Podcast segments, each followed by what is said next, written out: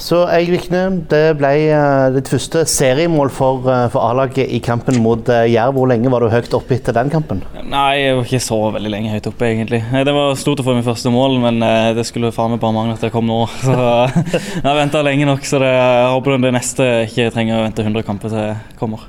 Nei, absolutt. Um, jeg så litt på feiringen, prøvde å se litt på den. Ja. Uh, hadde du tenkt lenge på, på, på, den? Nei, eller altså Jeg prøver jo å tenke at jeg må holde meg liksom rolig når jeg scorer, og ikke tenke at jeg skal miste hodet. Men jeg mista totalt hodet. Spesielt når jeg skåret, og så var fansen rett ved, så da var det, da var det hodemist. Men det syns jeg passa veldig fint, spesielt når det var med Jerv.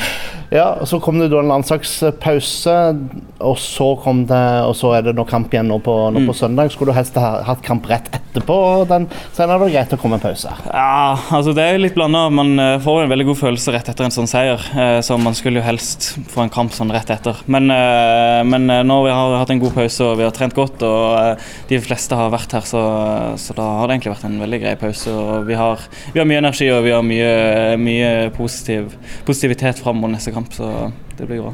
Ja, og KFM er jo et av lagene en har, en har slått. Det var også Joey Harderson sin første seier som, som starttrener. Og, og sånn, hva, hva tenker en om, om, oppgjøret? Nei, Det er en veldig tøff kamp. De er et veldig bra spillende lag. Så vi, vi, tar absolutt ikke noe lett på denne her oppgaven. Det, det er en av de vanskeligste kampene i året. Så, så vi gleder oss veldig til å få dem på besøk og håper at vi kan dra med tre poeng derifra.